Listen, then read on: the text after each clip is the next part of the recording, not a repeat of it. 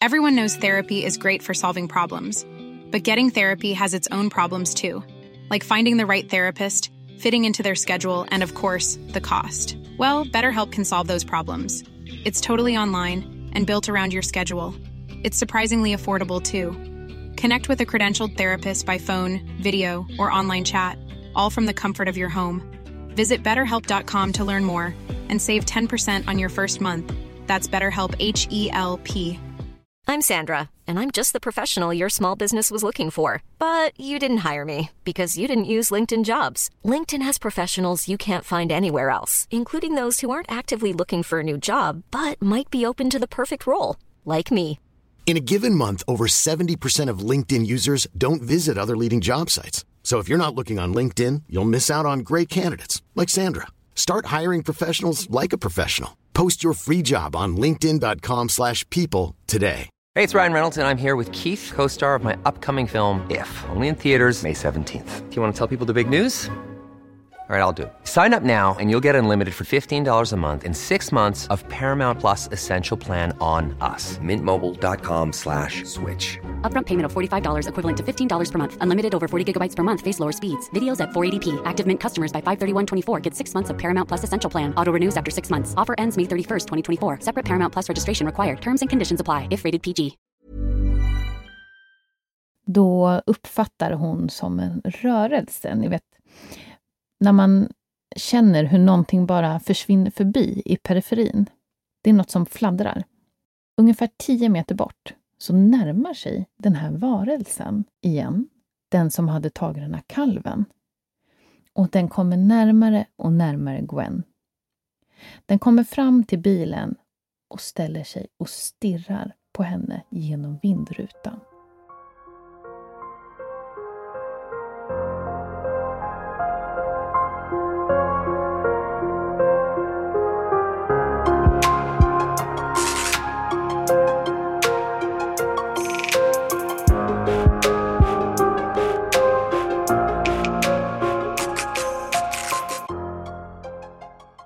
Nu är jag tillbaka på min poddplats, min eh, poddstudio här i huset.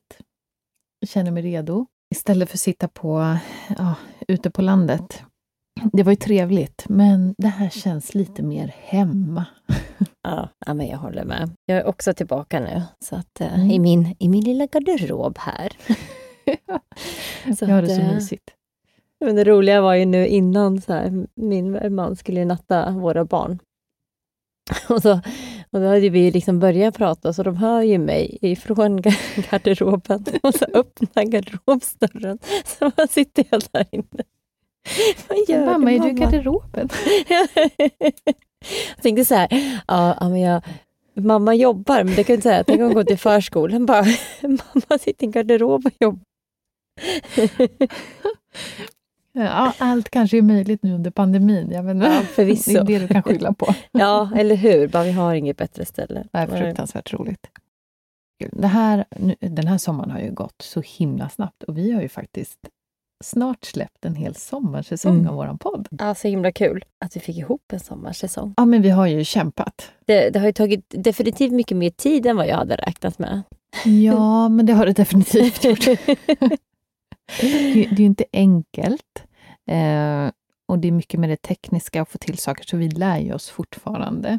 Ja, men det har ändå varit himla kul och, och spännande. För att, ja, men jag, jag sitter ju alltså, nätter och kvällar och fasiken läser om de här grejerna vi, vi pratar om. Det är ju så sjukt roligt. Alltså, man, man har ju ändå ett brinnande intresse för det. Så att, och det hoppas vi kommer ut sen också i poddavsnitten. Att ni hör det. För det ska inte vara förgäves.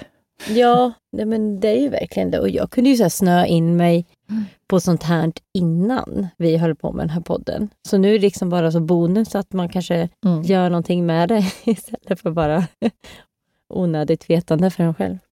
Ja, men vi hoppas att, ju, att ni gillar att lyssna på den här podden och vill hänga med oss också sen i höst. Mm.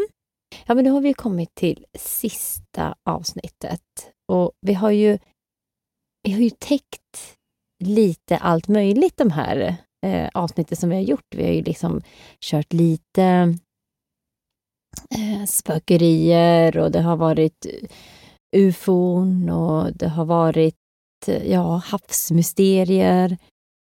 Och tänkte ju att vi ska avsluta med ett eh, ämne som, ja men det här täcker ju in det mesta av det här.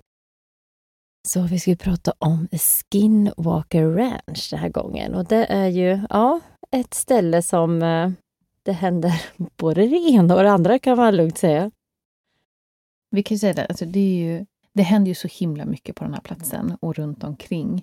Så att det här kommer ju bli flera avsnitt. Precis. Vi tänkte ju från början att vi skulle göra det här avsnittet tillsammans, vilket vi eh, också gör. Men att det, det får bli två avsnitt helt enkelt, för vi kan inte täcka allt det här i ett avsnitt. Ja, så det här är ju... Eh, må, många kallar det ju för en ja, men, övernaturlig plats. Medan andra säger att här vilar ju en förbannelse på den här marken. Det som är så ja, spännande är ju att det är ju verkligen det här hela spektrat över vad som faktiskt pågår på, den här, på det här stället.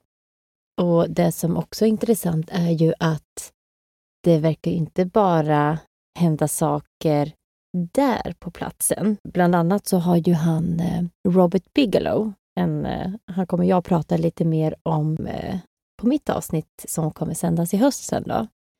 Och han säger ju det, eller har, ska jag ha sagt det, att det här som händer där följer med en hem också. Vilket har gjort nu att han vägrar ju besöka den här platsen. Så att, eh, mm, you're in for a treat. Verkligen, ja, men det är superspännande. Ja, så att eh, det kommer ju senare i höst.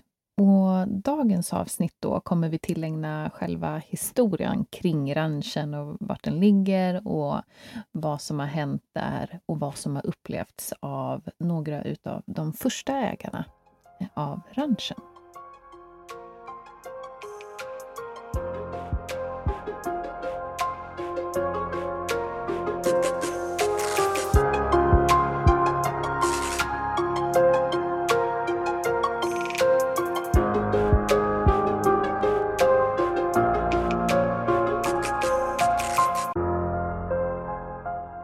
Den här ranchen, Skinwalker Ranch, ligger i nordöstra Utah som är en delstat belägen i västra USA. Det är en ganska bergig delstat med bland annat klippiga bergen centralt. Och östra Utah, en högt liggande del som mest består av olika platåer. Och här kommer ett område också som kallas för Uintah Basin. Och det är olika platåer med bäckar och floder som rinner söderut från Uintah Mountains. Det är en väldigt vacker plats och den här delen har den högsta graden det här är ju rätt häftigt, alltså högsta graden av ufo-händelser i hela världen. Människor har alltså rapporterat in observationer av konstiga föremål i luften som ingen kan förklara. Det är ett område som är känt för spöken, ufon, poltergeists, stympning av nötkreatur och även försvinnande av boskap. Ibland ser man saker varje natt. Ibland ser man små föremål ibland större. Ibland enstaka, ibland fler. Klotliknande eller mer som flygande farkoster. Och så har vi ju såklart legenden om skinwalkers. Så för er som inte har hört om skinwalkers innan så är det alltså häxor, ondskefulla som kan förvandla sig till vilket djur som helst. Det här är ren ondska förkroppsligad som vandrar omkring. Enligt legenden så måste man ha dödat någon i sin familj eller en annan närstående. Då har man gått över till den mörka sidan. Så om vi bläddrar tillbaka i tiden så har USAs ursprungsbefolkning bott i det här området sedan 10 000 år tillbaka. Så här fanns stammarna Navajo och Utes. Och när spanska missionärerna kom på 1700-talet så sägs det då att det har blivit en rejält fientlig relation de här stammarna emellan. Och Navajos, de var ju ganska aggressiva sen innan och de tog till fånga människor från jutestammarna och sålde dem som slavar. Allt det här ledde till att det blev men, mer eller mindre krig mellan de här stammarna. Och till slut så avlade Navajo-stammen en förbannelse på marken och släppte lös skinwalkers. Så den här jutestammen, de närmar sig inte Skinwalker Ranch idag. De tror att de håller rus i Dark Canyon som ligger nära den här ranchen. Medlemmarna är strikt förbjudna att sätta sin fot på fastigheten då man ser det som the path of the skinwalker. Om vi tittar lite på vilka som har bott på den här fastigheten så börjar det långt tillbaka. Och det har ju varit då ett eh, reservat för de här ursprungsbefolkningen. Tills det kom då människor från väster och claimade lite land. Så man säger att det är den första ägaren av den här marken var Myers-familjen. Och det var Edith och Kenneth John som kom. Och de stannade till och med 1987. Den här familjen, de rapporterade ingenting om konstiga saker som hände här på ranchen. Men samtidigt så var det flera grannar runt omkring som gjorde det. Under tiden så händer alltså en hel del saker. Från 1950-talet så kommer det många rapporter om främmande objekt på himlen. 1915 så ska det ha kommit en främling till gården. Han ska ha haft tidsenliga kläder men någon slags slimmad blå klädsel under. Han hade kommit och bett om vatten och konverserade med familjen. Sen vandrat iväg och bara försvunnit. Det sägs att den här mannen hade kommit och sagt åt familjen att de inte fick gräva på fastigheten. Den här historien ska ha varit så ja, gripande och fantastisk så att det har förts vidare generation till generation och ägare till ägare. Det fanns även en annan ägare av eh, en del av marken då som hör till den här Skinwalker Ranch och det var Benton Lock. Han säljer sin del till Myers 1961. Och 1987, då går Kenneth bort och man säger att samma år så lämnade Myers-familjen ranchen. Och sedan dess så stod alltså den helt tom. Tills det kommer en annan familj och flyttar in.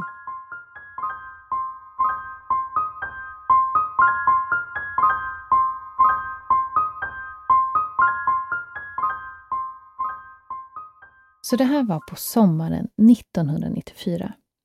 Då hittar Terry, som är en boskapsuppfödare, och hans fru Gwen, som jobbar på bank, deras drömranch. Marken på närmare 500 hektar var ett avlägset paradis. De ville flytta bort från stan och slå sig ner med sina barn, uppfostras tonårssonen och deras nioåriga dotter och ja, men, föda upp sitt boskap här ute. De förundrades över både pris och att det hade stått ledigt i flera år. Men de kommer till slut överens om köpet, ett riktigt fyndpris och de är ju överlyckliga. Men ägaren som de kommer överens med kommer med ett villkor. Och han säger att de inte ska gräva i marken utan att konsultera tidigare ägare. De tänker inte så mycket på det utan de gör köpet av gården och det är äntligen dags för Gwen och Terry och barnen att flytta in i sitt nya hus. Men det dröjer inte länge förrän de hittar märkliga saker. Så att precis när de ska flytta in och kommer till huset så upptäcker de att varje fönster, dörr, skåplucka, ja, allt man kan öppna och stänga hade ett extra lås på sig. Alltså en låsanordning som man bara kan öppna med nyckel. Vissa skåp, vissa garderober eller köksluckor, de hade till och med på båda sidor. Så redan här är det ju liksom lite röda flaggor. Eh, men det är ju lite sent att backa ur nu. De första veckorna som nyinflyttade går som väntat och var sak får sin plats. Och de börjar komma till ro, det är tyst och inga stökigheter. En eftermiddag när de fixar på gården så ser Gwen och Terry ett stort djur. Det är på lite längre avstånd och det är en varelse som ser ut att vara tre gånger större än en varg. Den börjar gå konstigt böljande gång mot dem. Och vargen, eller vad det nu var, kom närmare och närmare. Det första Terry tänker på är ju boskapet de har i närheten i en inhägnad, men de såg ut att de hade gått undan. Förutom en nyfiken kalv som står och kikar ut med huvudet genom stängslet. Men varelsen ignorerar kalven och går istället rakt upp mot Terry och Gwen. Den hade skinande grått hår, ljusblå ögon och den verkade faktiskt inte alls så aggressiv, utan väldigt lugn. Till och med så lugn att Terry sträcker sig fram och klappar den här vargen. Och till och med Terrys son frågar om han också kan klappa den och han gör det. Men plötsligt, från ingenstans, så drar den här iväg mot boskapsinhägnaden. Och innan Shermans hinner reagera så har djuret kalvens huvud i sina käftar.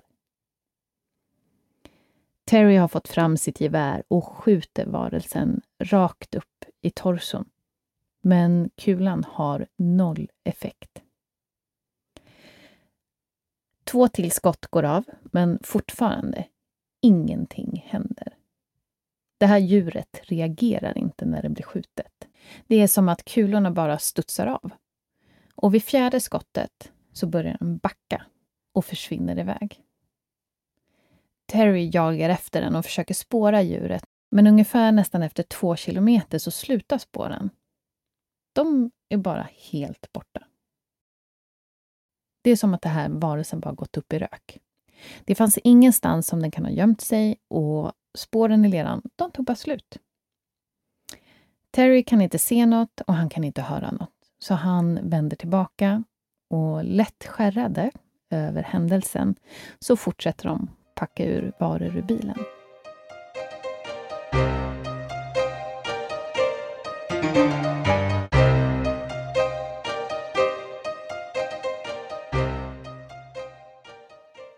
veckor senare så kommer Gwen hem från jobbet och kör upp med bilen mot huset. Så hon kommer in vid en slags grind på deras fastighet. Då uppfattar hon som en rörelse. Ni vet, när man känner hur någonting bara försvinner förbi i periferin. Det är något som fladdrar. Ungefär tio meter bort så närmar sig den här varelsen igen, den som hade tagit den här kalven. Och den kommer närmare och närmare Gwen. Den kommer fram till bilen och ställer sig och stirrar på henne genom vindrutan. Gwen får ju panik och hon sätter plattan i mattan rakt upp mot huset. Hon ser inte att den här varelsen kommer efter. Hon springer in i huset och ringer polisen direkt. Hon berättar för polisen vad hon och hennes familj varit med om, men polisen svarar bara att Nej, men det här, det är ju omöjligt att ni har sett varg, för det, det finns inte i området. Och senast man såg en varg någonstans i närheten, det var 1929. Det är ungefär 60 år sedan. Men man gav Gwen vid senare tillfälle i alla fall möjlighet att titta på kanske några andra arter som hade kunnat sett. Och Gwen identifierar det här som en direwolf, alltså en jättevarg. Och de finns ju inte direkt längre, alltså de här har ju varit utdöda i över 10 000 år. Så att Gwen tänker att ah, hon kanske har sett fel. Alltså, det måste ju ha varit någon annan art. Hur lika kan de egentligen vara? Men de försökte skaka av sig händelsen och polisen drev ju inte det här vidare. Och de vill ju bara kunna leva sitt liv på gården och föda upp boskap, ha det gott med barnen. Men de märkliga sakerna, de börjar bara att eskalera. De inser ju att saker börjar försvinna från huset. Det första man tänker är ju att man har ju förmodligen förlagt någonting. Det är som när man själv har lagt en eh, nyckel i ett nytt fack i väskan och ja, man hinner ju vända upp och ner på hela huset innan man förstår att ja, men jag la den i ett nytt fack i väskan. Det var ju bra. Men i alla fall, Terry och Gwen då, tänkte ju precis så. Men det blev bara konstigare och konstigare och Gwen kom en dag hem med varor från affären och gick in med första påsarna och ställde på bänken i köket. Går ut för att hämta resten. Och när hon kommer tillbaka in så finns inga varor kvar. De har bara gått upp i rök. De har bara försvunnit. Så att, ja, de fortsätter tänka att men, ja, de försöker liksom bara borsta bort de här händelserna för det börjar liksom krypa i dem. Men till slut så blev det ganska svårt att tänka att de hade förlagt saker. Det var en dag när Terry var ute och jobbade på gården så satt han och jobbade med en borr. Det är en ganska stor borr som man borrar hål i marken med för att sätta staket till boskapet till exempel. Terry då står och jobbar med den här borren men går iväg för att hämta några extra verktyg vid bilen, kommer tillbaka och borren är helt borta. Han hittar den ingenstans. Han letar i huset, han letar vid boskapen, han letar där han har alla andra verktyg, men inget spår. Rätt vad det är när han hittar den så hänger borren i ett träd. Det är alltså som att någon har tagit den här borren som väger ja, många kilo och släppt den ner från en högre höjd ner i trädet eller bara kastat upp den. Men det, en vanlig människa orkar inte kasta upp en sån här borr i ett träd.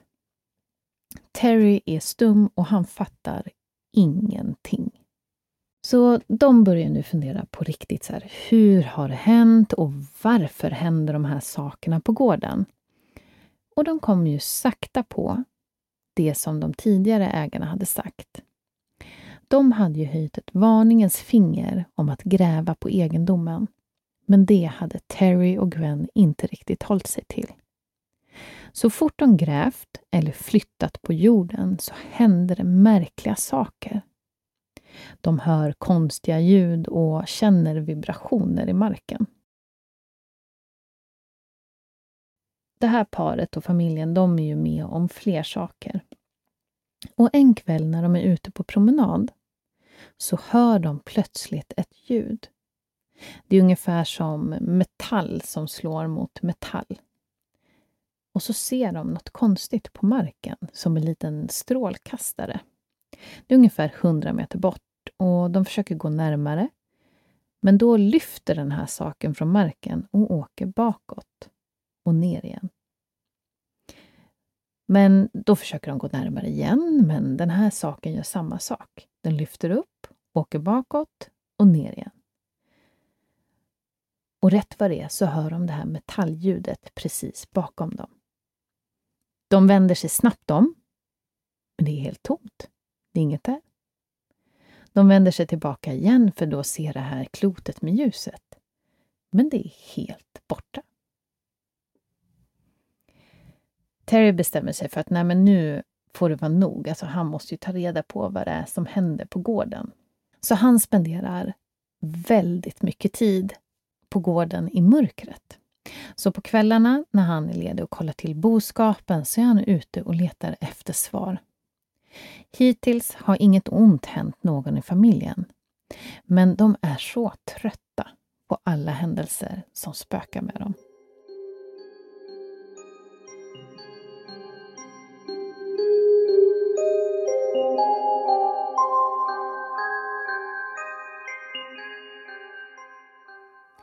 Så en kall vinternatt när det var mörkt ute och Terry var uppe sent för att ta reda på vad det är som rör sig på gården.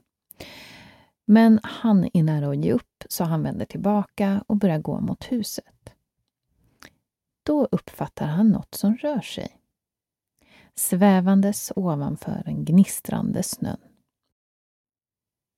Det är platt och mörkt och det är inget ljud. Den bara hovrar där över snön. Den rör på sig långsamt och projicerar som små, små ljus på marken som att den letar efter något. Men när Terry vänder på sig och ska tillbaka till huset så avger han sig liksom ett ljud. Det är som att han knäcker en gren. Och då släcks alla ljus på den här saken som han har sett. Den flyger närmare mot Terry och tänder ljusen igen. Sen drar den iväg. Terry var, var stum och fattade inte riktigt vad han hade sett eh, och gick tillbaka till huset. Men det var inte sista gången han träffade på en sån sak. Något annat konstigt också som de kunde se på himlen var ofta ett orange ljus det var oftast på samma ställe och det konstiga var att när han gick runt på ranchen så kunde han inte se det här från alla ja, men, olika platser.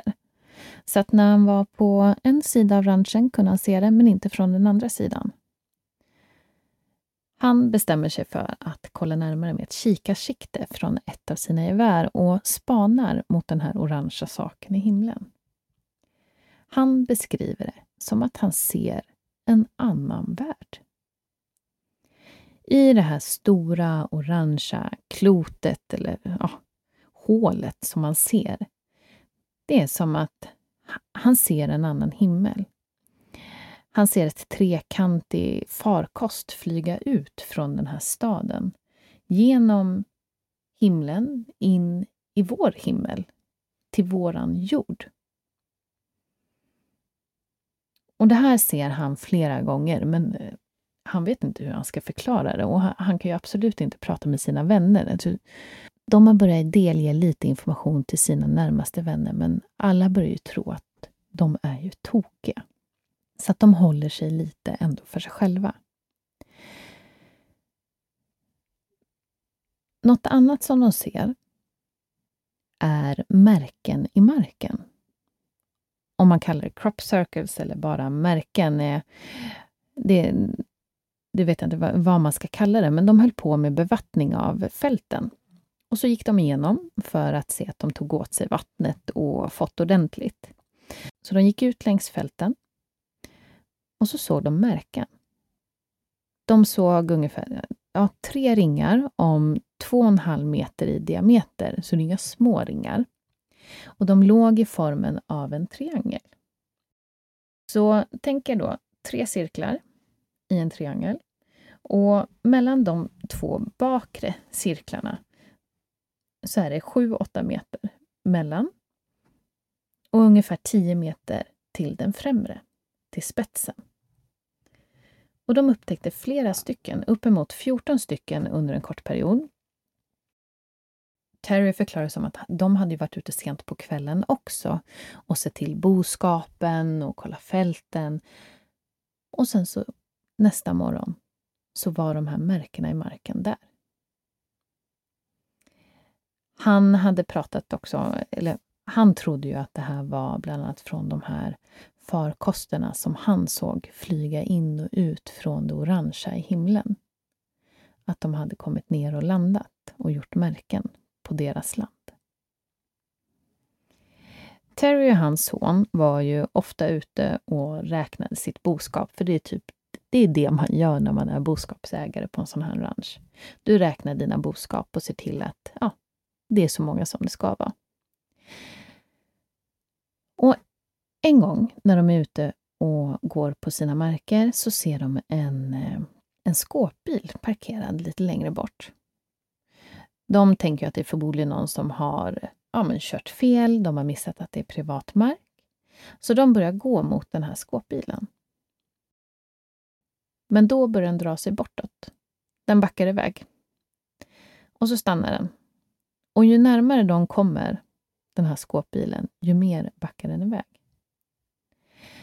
Men det är en konstig sak med den här skåpbilen. Det är att den liksom glider fram på marken.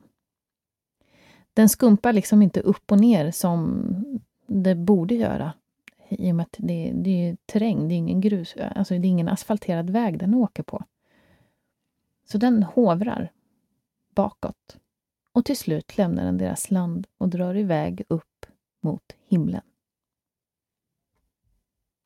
Den andra gången som eh, de eh, ser en sån här konstig skåpbil på deras mark är en kväll när Terry är borta och Gwen är hemma själv. Hon tittar ut genom fönstret och ser en skåpbil ståendes 200 meter bort utanför fönstret. Hon ser en ganska lång figur klädd i svart och med en stor hjälm sittandes vid ett bord i den här bilen. Ibland ställer den sig upp, går lite fram och tillbaka och stirrar på Gwen. Hon blir ju skitskraj och vill ju att Terry ska komma hem nu. Men jag menar, hon är ju själv i huset. Hon är själv mitt ute i ingenstans. Men Terry kommer till slut hem och det finns ingen skåpbil. Morgonen därpå så går de ut för att titta efter spår, men de hittar inga spår på marken efter den här bilen. Men de ser däremot spår efter ganska så stora skor.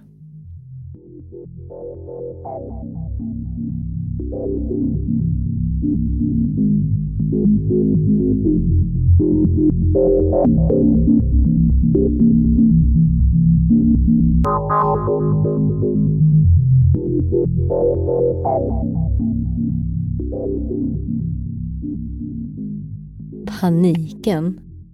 Och nu, alltså man bor så långt ute, mitt i, ute i ingenstans. Och så får man syn på det här alltså. Vad gör man? Man blir ju så, ja, man är ju rätt hjälplös då alltså. Ja, usch. Jag tänker man, man, man, skulle ju vara tillräckligt rädd om det var någon som körde upp på ens hem, alltså uppfart här hemma. Ja. Men det här är ju verkligen mitt i ingenstans. Du har ju ingen chans att få hjälp om det skulle vara någon som vill ta sig in. Nej. Nej, fruktansvärt. Men jag ja. fattade inte, så satt han vid ett bord i en skåpbil? Precis, i skåpbil. Eh, någon slags här skåpbil Eh, ja, är, det, är det beskrivet som med stora fönster så att man kan se in då, och så är det någon som sitter där då. Den här... Du pratade om det här, att det var en man som kom och hälsade på. Den här, var det första familjen som hade bott där? Eller hade, de knack, hade han och mannen knackat på några grannar? Eller jag hängde inte med. Nej, precis. Det var där på gården. Eh, och de Meyers, eller vad heter de? Myers? Det, ja, Myers. Och det skrivs lite olika att Myers var de första eller om det faktiskt var en familj innan. Men att sen då den här mhm. historien mm. om den här mannen, att man inte ska gräva på marken, har då gått från liksom ägare till ägare. Eller mellan generation till generation. Okej. Okay. Ja, undrar vem den här mannen var då, från första början? Ja, verkligen. Och jag kände bara när du sa då att uh, han... Uh, Terry hade börjat borra i marken där. Nej! Sluta! Slut, gör det inte. Herregud, Terry. Nej, jag hade aldrig du gjort hade, det. Det var en sak du inte fick göra. Nej. Gräv inte i marken. Ja, det är svårt, svårt att undvika kanske som eh, boskapsägare att inte göra det. Men eh, ja, hade man flyttat in då? då? Ja, men det hade ju hänt så många saker innan också. Mm. Och bara det, det, vad är det för någonting? Det är en varg som de ser, en utdöd vargart. Mm. Men det måste ju vara en sån här skinwalker, tänker jag. Mm. Mm. Kan du inte förklara lite hur de ser ut, skinwalker? Mm. Nej, men skinwalker är väl egentligen, eller som legenden säger, är ju det en slags eh, en häxa egentligen som kan ja, men, vad säger man, förvandla sig själv till vilket djur de vill. Och ofta så har man ju sett på, på bilder och så har det ju beskrivits i sagor och så också att ofta så är de eh, med eh, varje vargliknande händer, så med klor och, och sen att de har som en eh, vad säger man, en hetta liksom, så med varghuvud över sig. kan man se hur de så dansar omkring med ja, stammarna där. Då. Men det är ju också, jaha, okej. Okay. Det är som att det är flera olika typer av grejer då? För det här känns ju inte ja. ufo-liknande eller utomjordiskt-liknande. Eller hör de ihop på något sätt? Nej. ja, vem vet? Så det är en helt, annan, eh, en helt annan värld. Jag vet inte. Alltså jag älskar ändå att han, eh, Terry, lät dels klappa det här djuret själv och sen låter sin son klappa det här djuret. Nej, vem fan gör det? jo, men varsågod, klappa. Det. Okänd varg som är typ tre gånger... ja, exakt. Herregud, nej. nej. Det låter väldigt oklart. Mm. Men eh, det är ju inte det enda som händer på, på gården heller. Och det är ju nog inte det sista de har sett heller av den här varelsen. Så att jag ska fortsätta berätta här så har det ju hänt några saker som kanske är... Alltså det eskalerar, kan vi säga.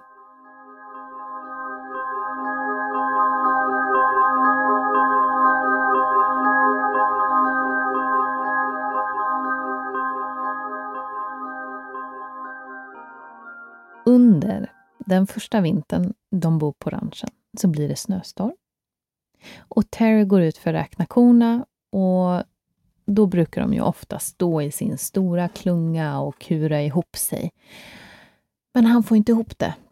Det saknas en ko. Och självklart så blir han ju rädd att den blivit skadad och vill ju inte att den ska frysa ihjäl. Så han går och letar efter den här kon. I snöyran så lyckas ju Terry då få upp ett spår och han ser kons Eh, spår då i snön. Men de här spåren liksom blir konstigare och konstigare, för det ser ut som att kon har börjat springa. Det är kanske inte det första korna börjar göra när det är en snöstorm. Terry får ju för sig då att den här kon, han har blivit jagad. Men det finns inga andra spår. Och liksom inga spår efter rovdjur där heller som skulle kunna ta en ko, vad de vet. Men Terry följer efter spåren fram till en liten glänta. Och där slutar spåren. Det är helt tomt. Det är liksom som att kon har gått upp i rök. Då kan man tänka så här, men det har ju snöat en massor så att det har snöat igen spåren. Men det snöade liksom inte så mycket utan Terry blev ju ändå fundersam. Vart har den här kon tagit vägen? Och under våren som följer så förlorar de fyra fler kor. Och de här de har aldrig tidigare förlorat så många kor under så kort period. Och de förstår inte varför. Det finns liksom inte ett endaste spår efter de här boskapen. Tills en dag i april då hans son och kusin ska gå och samla in korna till ett annat fält. Först då är de ute och går på marken och så går de förbi en ensam ko som står och äter från något slags buskage. Så de går vidare ner till resten av korna ungefär 100, ja, 150 meter bort för att ta den stora klungan och så tar de den ensamma kon på vägen tillbaka.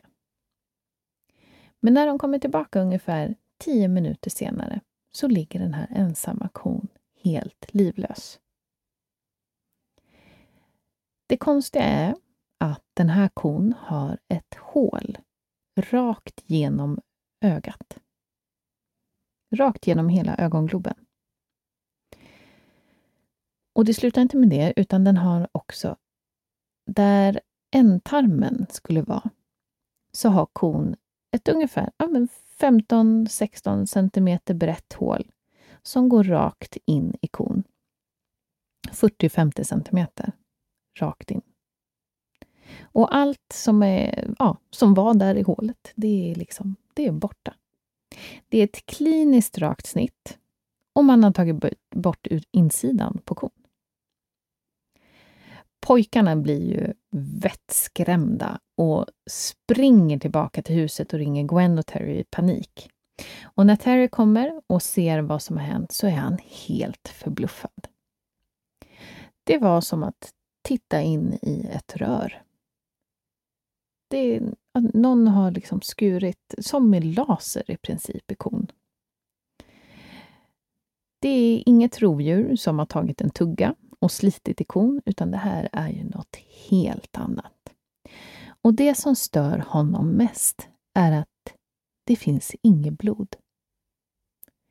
Inget blod någonstans, varken utanför eller i. Senare hittar Terry en till ko som har blivit dödad på samma sätt. Och ett år senare så hade flera stycken dött på exakt samma sätt. Stympade, inget blod, inga spår. Och för att spä på ytterligare då konstiga händelser som den här familjen får vara med om och sånt som faktiskt går att ta på och gör det ännu mer skrämmande. Det är en kväll när Terry och Gwen tittar ut över korna så ser de ett klot som påminner om det här stora orangea som de sett tidigare på himlen. Bara att den här är blå och mycket, mycket mindre. Mindre än en baseball. Och den hovrar ovanför marken och åker snabbt mot Gwen och Terry. Och så stannar den ovanför dem. Gwen tar fram sin ficklampa, men det här klotet hinner åka iväg. Från nära håll så ser den nästan ut att vara av glas och som att det har någon flytande vätska inom sig. Den lät nästan som att den var elektriskt laddad. Jag kan bara höra ljudet ungefär som när man hör en elbil liksom susa förbi. De försökte komma nära men det här klotet flög iväg och försvann. Och det hände samma sak en annan kväll. Då har de deras tre hundar eh, med sig också och de skäller ju som galningar. Utan att tänka sig för så släpper Terry iväg sina tre hundar. De är ju som galna och jagar det här klotet. Men så åker den upp i luften och stannar av. Innan den åker neråt igen för att åka vidare. Nästan som att den leker med hundarna. Klotet ökar farten och åker iväg och hundarna de sätter ju full fart efter. Och rätt vad det är, från mörkret, så hör Terry hur hundarna skriker till i nöd. Sen blir det helt tyst. Med allt som hänt så går Terry inte in i skogen själv. Alltså han vill ju inte själv bli tagen av vad som finns där ute. Så han går ut dagen efter för att leta efter sina hundar. Och han hinner inte gå långt innan han tappar hakan. Han ser tre cirklar på marken med bränt gräs. Och det ser ut som kött som har bränts fast i marken. Det är alltså hans hundar som har blivit brända. Och nu har de fått nog. Rädda att de faktiskt ska bli attackerade själva så de vill ju ha svar på vad är det som händer här och vi, ja, vi, vi måste ta reda på vad det är som händer på gården. Så de tar kontakt med en Joseph Junior Hick och han är en pensionerad lärare inom vetenskap. Och han har hållit koll på det här området i Utah. Och det visar sig att de här kloten och ufona som de har sett på sin ranch inte är ovanliga. Han har ungefär 400 andra observationer i Uinta Basin och många är som det klotet som Sherman såg på ranchen. Men Andra människor har inte bara sett de här kloten, utan även mer farkoster. En eh, man såg 1966, han jobbade med posten och såg ut genom fönstret och såg en silverfärgad farkost utanför. Det är inte bara farkoster och klot utan även andra som har upplevt stympningar av sina boskap. Det fanns ett dussintal fall under 1970 som blev anmälda och de flesta var inte långt alls från Shermans Ranch. Men ingen visste vad som låg bakom det och inte heller tog polisen det vidare. Så att det var som att man la energi på någonting som inte liksom, eh, gav något resultat. Och ingen förstår hur de ska få det att sluta. Shermans inser att de inte har något annat val än att sälja. Något som skrämde Terry mest var rösterna. När han var ute och gick med sina hundar så hörde han röster. Och han beskrev dem som att de talade på ett annat språk. De kom ur mörkret med vinden och det kändes som att de kallade på något. Shermans kanske aldrig får reda på orsaken till vad de har upplevt på gården. Men där och då ville de bara att det skulle sluta. 1996 var de plågade och nära att kollapsa, både känslomässigt och psykologiskt. De försökte bli av med gården och hitta en annan plats där de kunde ha ett normalt liv. Och vid den här tiden så hade deras berättelser fått en liten spridning i de lokala nyheterna, vilket var mer än nog för den store Las Vegas-miljardären Robert Bigelow att få ett omedelbart intresse för fastigheten.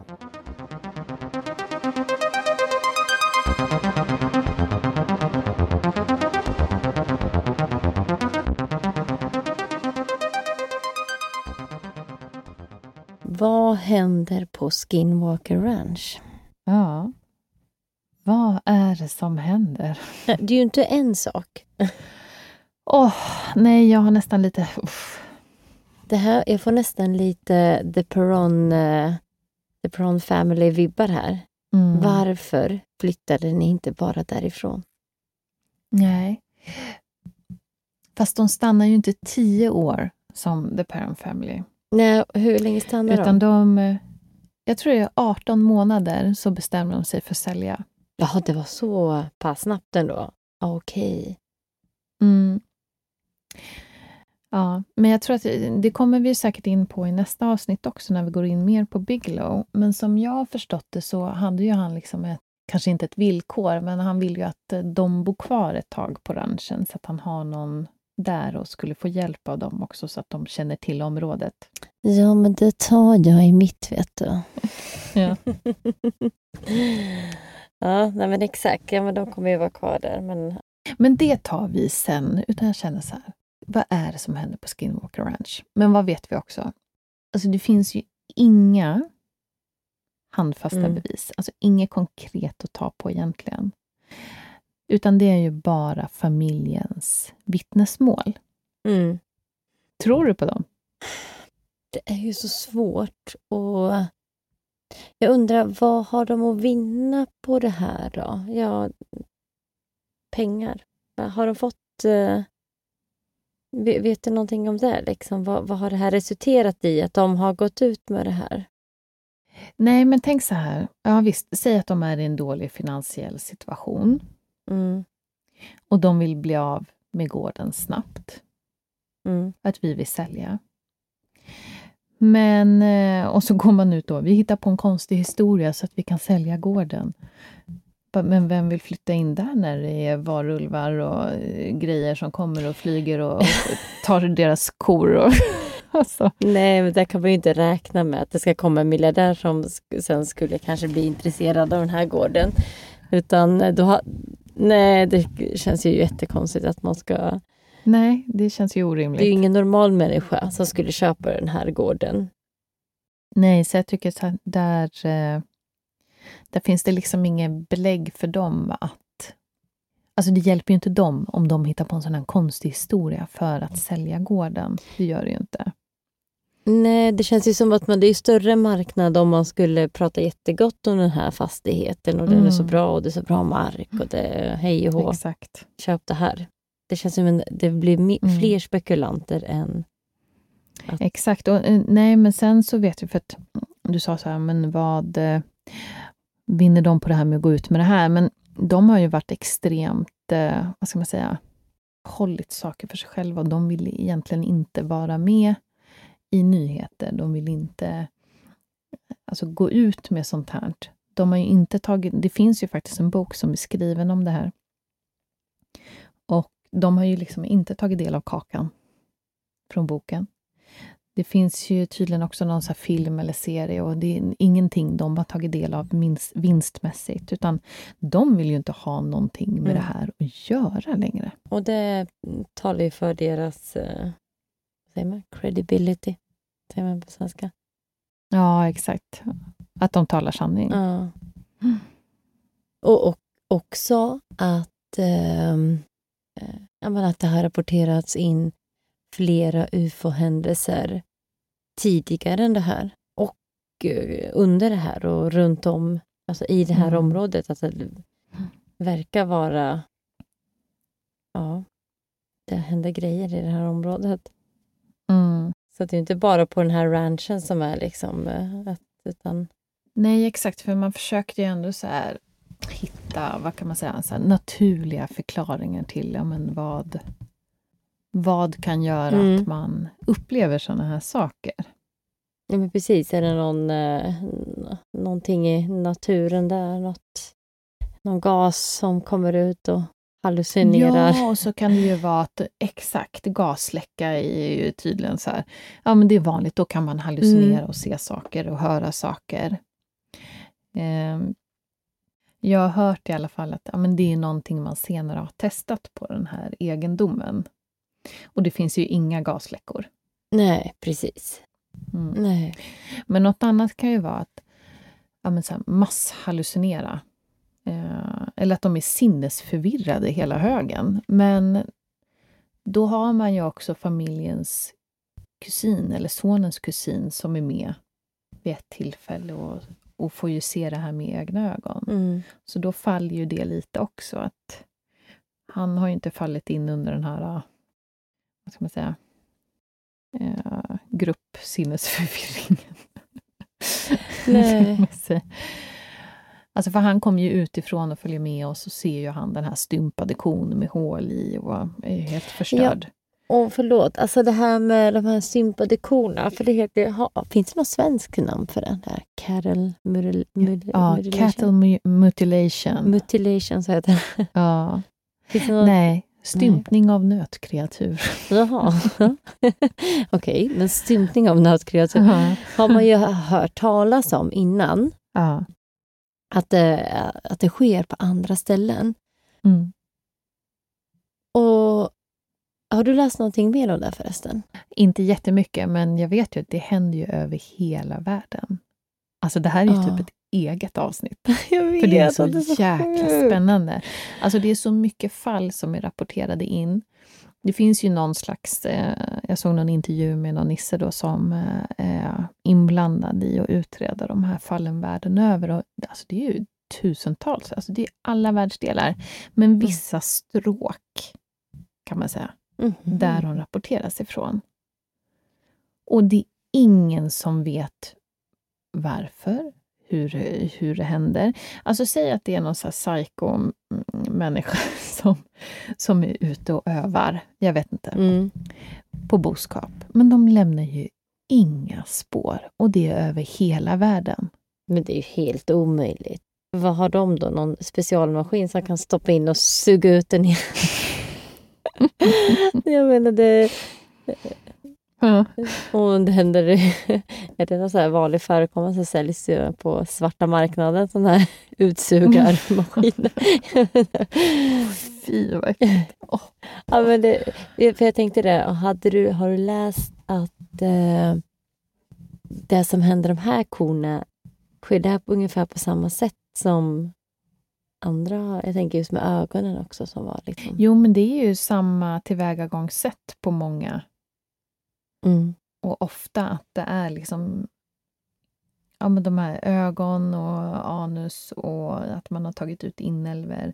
Ofta är det också eh, blåsan på djuren, att det är borttaget. Men det var, var det inte här då. Men, Vad sa du? eh, urinblåsa och så, Jaha, ja, ja, okej. att det Mm. också är borttaget. Ja, men det är så Men konstigt. vad vill de med de här korna då? Alltså hur mycket koinälvor kan... kan man behöva. Äter de det här eller är det att de... eh, Är det en delikatess? Kanske där. Eller gör de studier på det här? Gud, För verkligen. utomjordingarna? På kor också. Mm. Ja.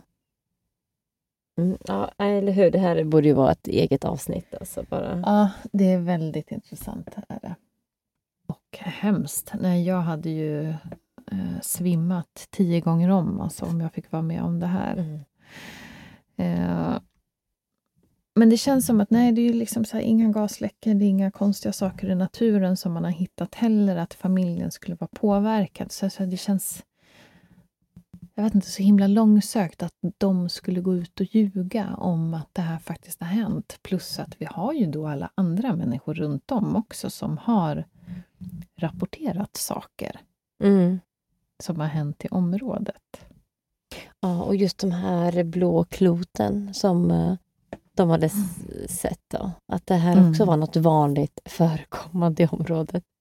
Mm. Men var det liksom att den var elektrisk, den här bollen? Alltså att den så sprakade liksom, som en... eh, Nej, inte spraka så, utan att de tyckte att den... Jag vet inte, att den lät som att den var elektriskt laddad. mhm, Okej. Det, det första jag tänkte på det var ju så elbil. Du vet, alltså, när- Jag tänker, de låter väl en- ingenting? Eller? Nej, men när man hör en elbil komma så är det lite som... Åh gud, det här låter som en farkost. Alltså, så här, alltså det bara är zoomar lite. Ja. Mhm. Eller swooshar. Ja, jag vet inte, jag Swooshar. kan inte beskriva ljudet. Nej, men en annan Ah. sak jag tänkte på, kan det vara... Det förklarar ju inte allt kanske, men kan det vara militär? Då? Absolut. Just de här eh, ja, olika farkosterna de ser. Mm. Det kan det väl absolut vara. Jag tänker om det är något ställe de håller till på och gör övningar och sånt så är det väl mitt ute i öknen där. Ja, och är det några som gör övningar och provar nya saker så är det väl typ USA, Ryssland och, och, Kina känns som, eller Mm. Korea. Ja, men Så att, lite så. Eh, och mycket mer än vad vi vet om, skulle jag säga. Mm, ja, men absolut. Men då, det är ju så mycket... Hade det bara varit det här, då hade man kanske kunnat förklara det. Men jag menar, eh, det här att han ser eh, den här lilla, var det en gul prick den gången som öppnade sig och var en helt ny himmel där inne. Alltså bara där, det är ju Mm. också... Ugh. Exakt, som Men- en helt annan värld. Mm. Och då kommer vi in till en helt annan så här typ av eh, tankesätt med parallella världar eller olika dimensioner. Är det något sånt det handlar om? Ja, det är så då? obehagligt tycker jag. Att tänka så. Jag vet, jag orkar typ inte prata om det för att... Åh, då, ja, nej. Men tänk vad häftigt ändå. Alltså, jag skulle absolut inte vilja vara med om det själv, men bara tanken av att det här parallella, jag vet inte, universumet eller eh, världen finns där. Mm. Och de är ute och Du hade ju utforskar. velat att du vill ju bli knuffad i ryggen av eh, spöken och skit. så- Alltså på ett ja, alltså man vill ju det lite, men inte hela vägen. Åh, jag tycker bara, det har ju bara varit jobbigt att liksom så här djupdyka i det här. Alltså jag känner på kvällarna, herregud. Jag vet, jag vet. Jag har precis samma. Och det är jätte, jättejobbigt på kvällarna när man ska lägga sig och man har suttit med det här och Ah. gjort massa research och skrivit om det här och sen så bara... uff. Ja. Kommer det där parallella universumet Ja, kryper med de närmare. här svarta gubbarna med hjälmarna som står och stirrar på en. Mm. Ja, fy fan. Nej, det vargarna. är ju Mm. onekligen intressant. Och man kan ju egentligen bara, eh, jag vet inte, spekulera lite i. Och jag tycker ju den här Skinwalker-legenden är ju, eh, den är ju rätt skrämmande. Och, alltså jag tror ju inte att den här familjen har hittat på någonting. Det tror jag inte. Utan jag, jag tror ju på att de har ju haft någonting där, de har sett någonting, de har upplevt någonting. Och vi kanske blir lite smartare i nästa avsnitt. Ja, nej men absolut. Det kommer vi eh, kanske inte bli, eller så kanske vi blir det. Vi får se. Men eh, det är... Historien tar ju definitivt inte slut här, kan jag ju bara säga, utan det finns en hel del eh, saker som händer efter att The Shermans lämnar då. Ja, men för 1996 då, det var ju då de valde att sälja och då kom det ju en annan ägare in och gör lite annat på gården. Precis, det kommer ju flytta in ett forskarteam som tar över den här gården då. Och eh, de börjar ju göra ja, massa tester runt om och de utreder eh, runt om hela ranchen. Och, och det kommer vi ju eh. prata om i våran höstsäsong. Så att vi får väl passa på egentligen här. Jag tycker det, det här har varit skitkul eh, och hoppas att alla har eh, njutit av våra avsnitt på sommarsäsongen. Och tack för att ni lyssnar och för att ni är inne och kommenterar och ger oss betyg på Podcaster eller Acast. Ja, men eh, det har varit verkligen jätteroligt och vi eh, ska ju bara försöka att liksom, utvecklas och göra det ännu bättre till höstsäsongen. Det här skulle bli en liten provsäsong eh, och ja, Exakt, det får man ju ha med sig. Det var en provsäsong. Vi vet att det här är inte det bästa vi kan göra. vi, vi är bättre.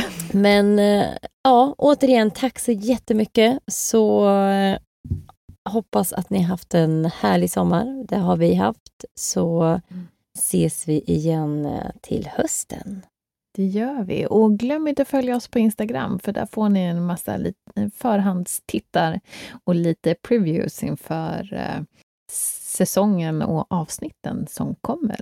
Så eh, gå in och dela gärna våra inlägg och berätta för era vänner och familjer. För det gör inte vi, så ni kan gärna göra det. Så att, uh, säg åt dem också att gå in och lyssna på Söndagsmysteriet. Ja, men vad kul. Vi ses i höst. Ha det bra. Ha det bra.